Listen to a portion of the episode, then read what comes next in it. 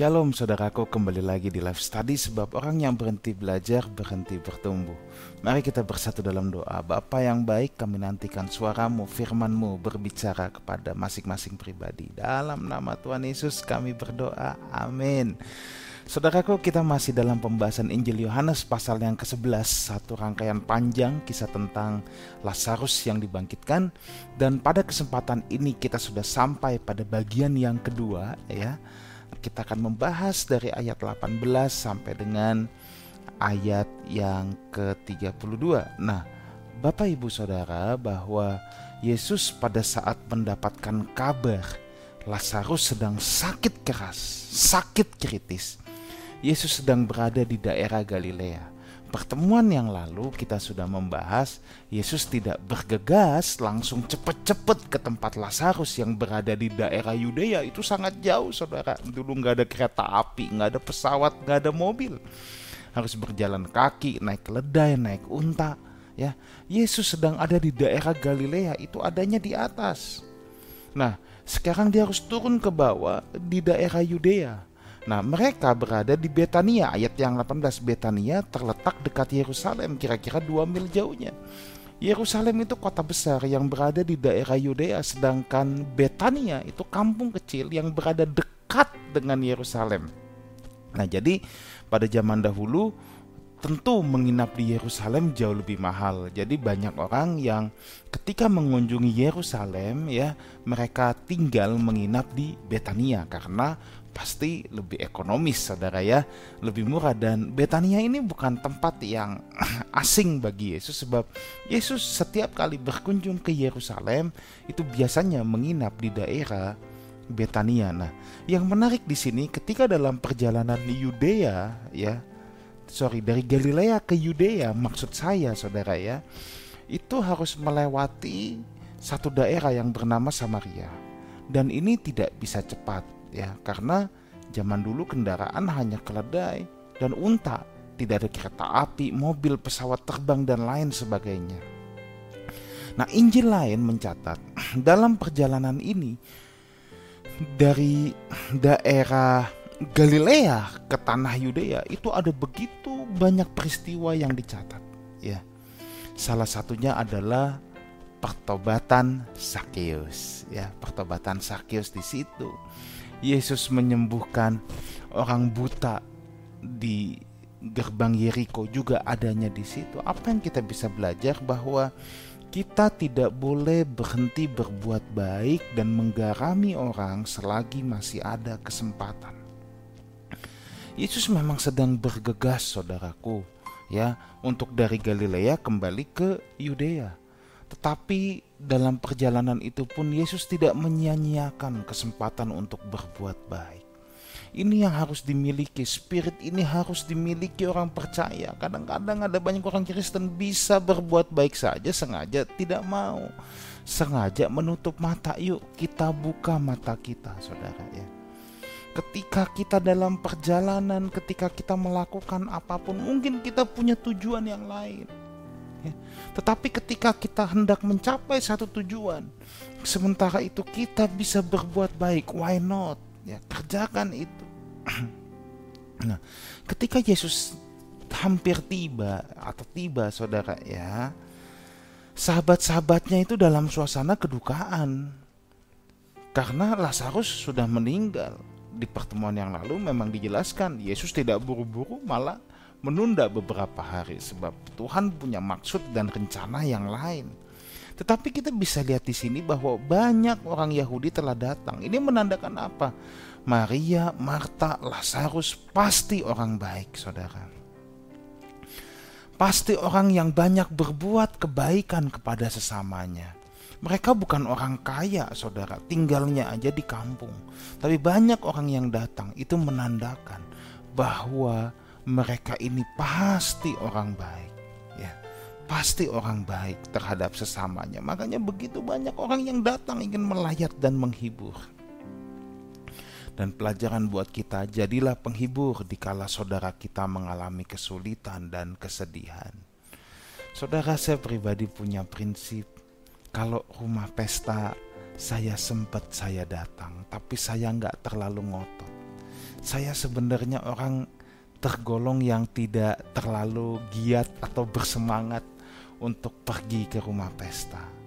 Tetapi kalau ada kedukaan ya, saya pasti akan mengusahakan yang terbaik dari waktu saya untuk saya bisa menghadiri acara kedukaan untuk kerabat, handai taulan yang saya kenal. Ya. Yuk kita jadi pembawa penghiburan saudara ya bagi saudara-saudara kita yang ada dalam kesedihan. Tidak harus tunggu sampai di titik rumah duka kan. Dalam segala keadaan kita bisa menjadi penghiburan bagi sesama kita ayat 20 sampai 22 ketika Marta mendengar bahwa Yesus datang ia pergi mendapatkannya tetapi Maria tinggal di rumah maka kata Marta kepada Yesus Tuhan sekiranya engkau ada di sini saudaraku pasti tidak mati. Tetapi sekarang pun aku tahu bahwa Allah akan memberikan kepadamu segala sesuatu yang engkau minta kepadanya. Saudara Maria dan Marta sungguh-sungguh menunggu kedatangan Yesus. Begitu mendengar Yesus datang, Marta langsung meninggalkan segalanya dan pergi mendapatkan Yesus untuk menyambut Yesus. Yesus ini belum sampai di Betania, masih ada di luar kampung, masih ada di luar kota, saudara. Tapi Marta dengan begitu bersemangat, dia yang berjalan keluar dari Betania, saudara ya. Marta langsung meninggalkan segalanya, ya. Dia mau menghampiri Yesus. Beberapa penafsir berpendapat Marta pergi keluar kampungnya ketika mendengar Yesus ada dalam perjalanan dan memang sudah dekat. Yang jelas begini saudara, yang kita bisa belajar Marta begitu antusias dan tindakan Marta menunjukkan imannya yang begitu besar dan positif kepada Yesus. Apakah kita punya antusiasme yang sedemikian rupa terhadap pribadi Tuhan. Apakah kita punya antusiasme? Jam-jam doa kita menjadi jam yang paling kita bersemangat. Saatnya kita pergi ke gereja itu kita datang dengan antusias bukan kewajiban agamawi. Dalam hal ini saya tidak mengatakan kalau saudara tidak sedang tidak bisa ke gereja berarti saudara orang yang tidak antusias kepada Tuhan. Saya tidak mengatakan itu. Ya. Dan saya juga tidak bermaksud untuk menyatakan gereja itu hanya gereja tempat hadirnya Tuhan tidak. Antusiasme kita itu bukan karena ibadah ritualnya bukan. Tetapi antusiasme kita ada pada kita mau belajar firman Tuhan, kita mau berdoa menyembah Tuhan secara korporat, secara bersama-sama, saudara. Ya, antusiasme kita ada atau tidak? Atau kita nggak punya antusias, datang udah males-malesan, ya. Ya kalau cuaca baik datang, kalau hujan dikit nggak ah takut flu, aduh Kristen kambing ini takut air ya. Belum lagi kalau di gereja semua udah bersuka cita, bernyanyi bersama-sama. Ini cuma diliatin begini doang. Ya, tampangnya udah kayak ya hidup segan mati tak hendak. Saudara belajar dari Marta dia punya antusias sedemikian rupa menjumpai Tuhan. Kita harus punya antusiasme yang sama.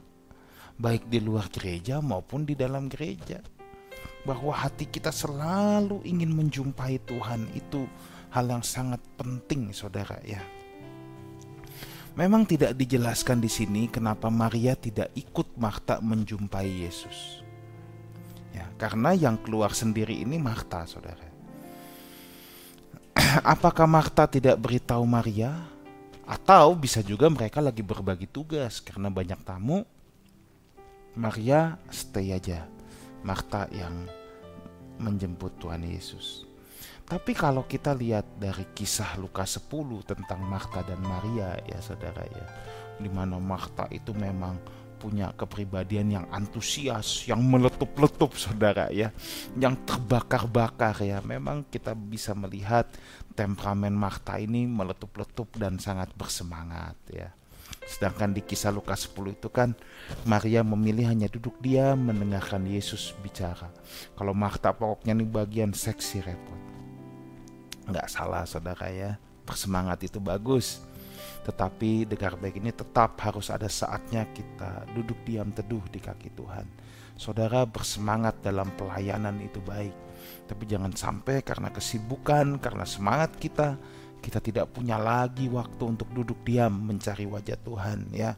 Itu hal yang paling esensial.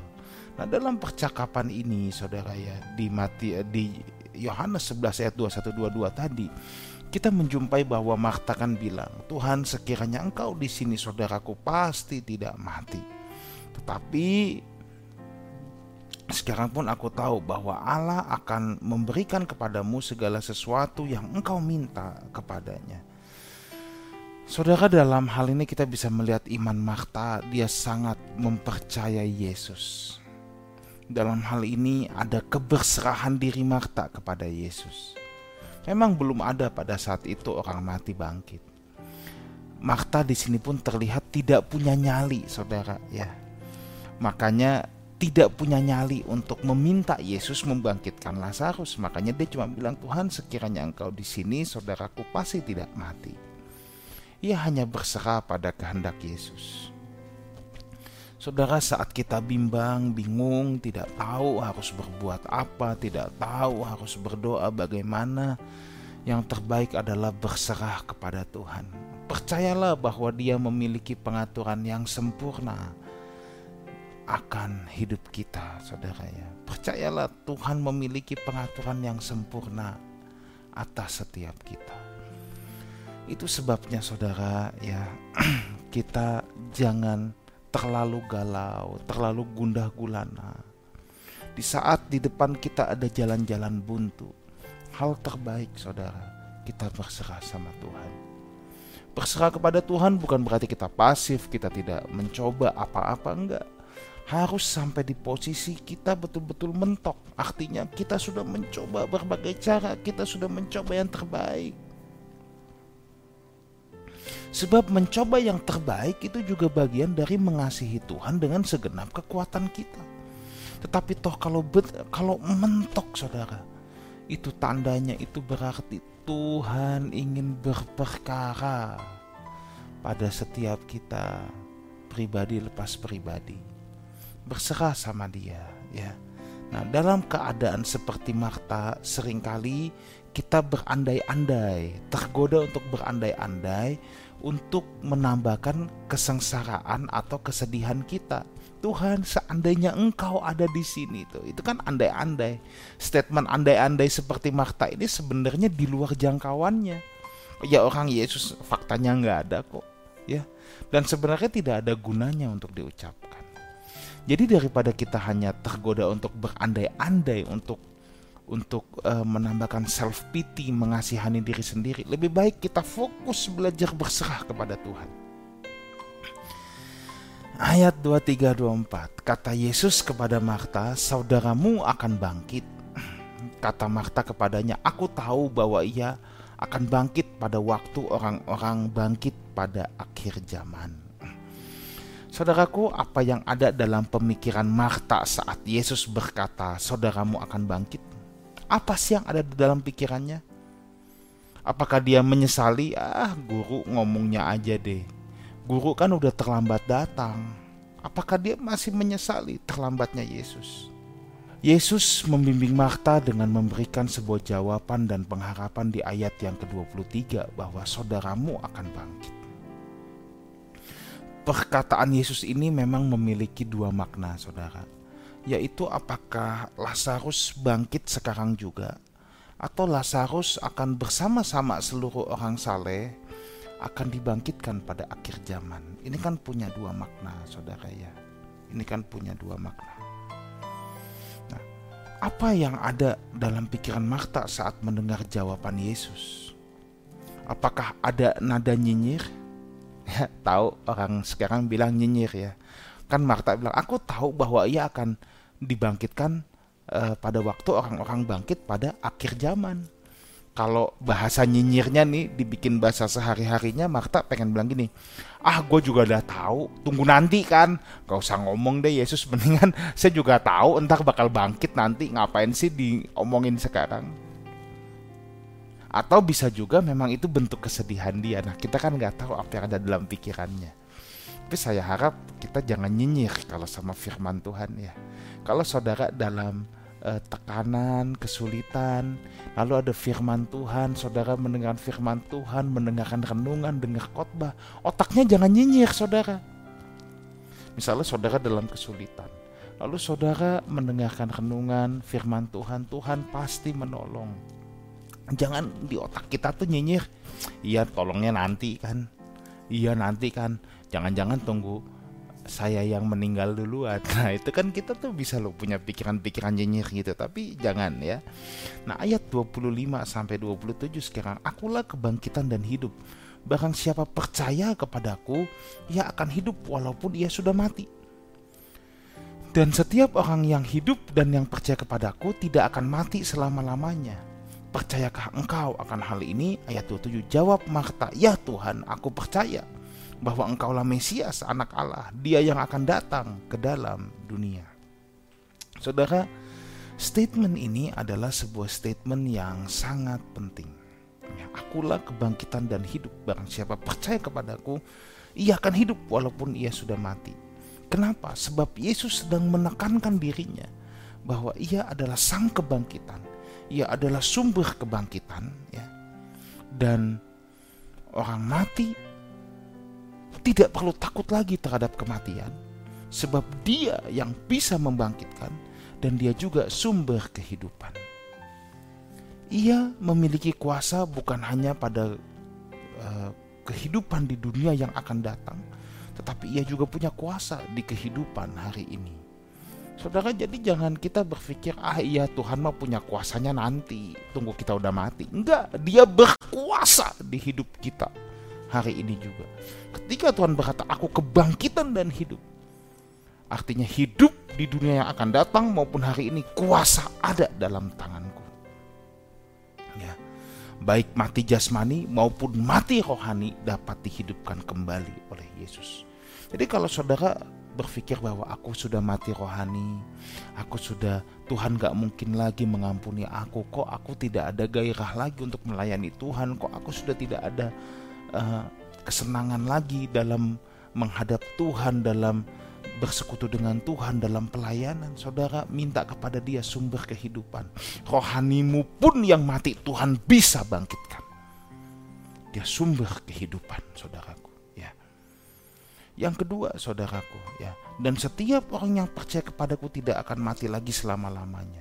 Artinya apa? Siapa pun orangnya, baik Yahudi maupun non non Yahudi, kalau dia percaya kepada Yesus yang adalah kebangkitan dan hidup, ia akan dibangkitkan dan dihidupkan kembali.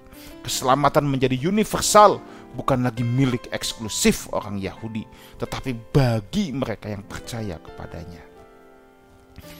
Yesus menjanjikan kehidupan bagi siapa pun yang percaya kepadanya, tidak akan mati selama-lamanya. Artinya apa? Kematian tubuh ini tidak perlu lagi kita takutkan, saudara. Kematian tubuh tidak perlu kita takutkan. Semua orang memang pasti pada dasarnya takut mati. Tapi kalau saudara bersekutu dengan dia, bersahabat karib dengan dia yang adalah sumber kebangkitan dan hidup, kematian tubuh tidak akan menjadi hal yang menakutkan lagi ya kehidupan jasmani kita memang ada akhirnya Lazarus juga mati lagi kok tetapi kehidupan rohani kita tidak akan berakhir justru disempurnakan dengan tubuh kebangkitan di dunia yang akan datang yang telah disediakan oleh Tuhan bagi orang-orang yang mengasihi Dia. Ya. Ayat 27, ya Tuhan, aku percaya bahwa Engkaulah Mesias. Ini adalah pernyataan iman dari Marta bahwa dia percaya dan setuju akan apa yang Yesus ucapkan. Saudara, dasar iman Marta itu bukan persetujuan pikiran, bukan pengaminan akali, bukan positif thinking, bukan pede. Dasar iman Marta adalah firman yang keluar dari mulut Yesus. Marta betul-betul mempercayai bahwa Yesus adalah anak Allah yang hidup, yang dinanti-nantikan sebagai sang juru selamat. Terakhir di ayat 28 sampai 32 dan sesudah berkata demikian ia memanggil saudaranya Maria dan berbisik kepadanya, "Guru ada di sana dan ia memanggil engkau." Mendengar itu Maria segera bangkit lalu pergi mendapatkan Yesus. Tetapi waktu itu Yesus belum sampai ke dalam kampung itu, ia masih berada di tempat Marta menjumpai dia. Ketika orang-orang Yahudi yang bersama-sama dengan Maria di rumah itu untuk menghiburnya, melihat bahwa Maria segera bangkit dan pergi keluar, mereka mengikutinya. Karena mereka menyangka bahwa ia pergi ke kubur untuk meratap di situ. Setibanya Maria di tempat Yesus berada dan melihat dia, tersungkurlah ia di depan kakinya dan berkata, "Tuhan, sekiranya Engkau ada di sini, saudaraku pasti tidak mati." Saudara, setelah mendengar apa yang Yesus ucapkan, Marta bergegas ingin membagikan sukacitanya kepada Maria saudaranya. Ia ingin kabar baik yang ia dengar juga didengar oleh saudaranya. Kita harus punya spirit ini, spirit yang selalu ingin membagikan kabar baik, kabar sukacita, kabar keselamatan kepada orang-orang yang kita kenal. Maria meresponi panggilan Tuhan dengan segera, saudara uh, kita lihat di sini Maria juga langsung bangkit lalu pergi mendapatkan Yesus. Bagaimana kita meresponi panggilan Tuhan? Maria ikut meninggalkan apa pun yang sedang ia kerjakan, tamu-tamunya. Keinginan dia hanya untuk berjumpa dengan Yesus. Dia meninggalkan bahkan orang-orang yang sedang menghiburnya. Sebab penghiburan paling utama, paling penting baginya datang dari Yesus, datang dari Tuhan ayat 30 memang diberitahu di mana Maria berjumpa dengan Yesus. Yesus memang belum sampai ke dalam kampung itu, ya. Yesus belum sampai ke Betania. Ya. Ayat 31 ketika orang-orang Yahudi bersama-sama dengan Maria di rumah itu untuk menghiburnya, mereka melihat bahwa Maria segera bangkit dan pergi. Nah, ini orang-orang Yahudi pasti berpikir, saudara, apakah Maria mau nangis di kubur atau mau ngapain? Kan dia nggak tahu. Eh nggak taunya dia mau menjumpai Yesus.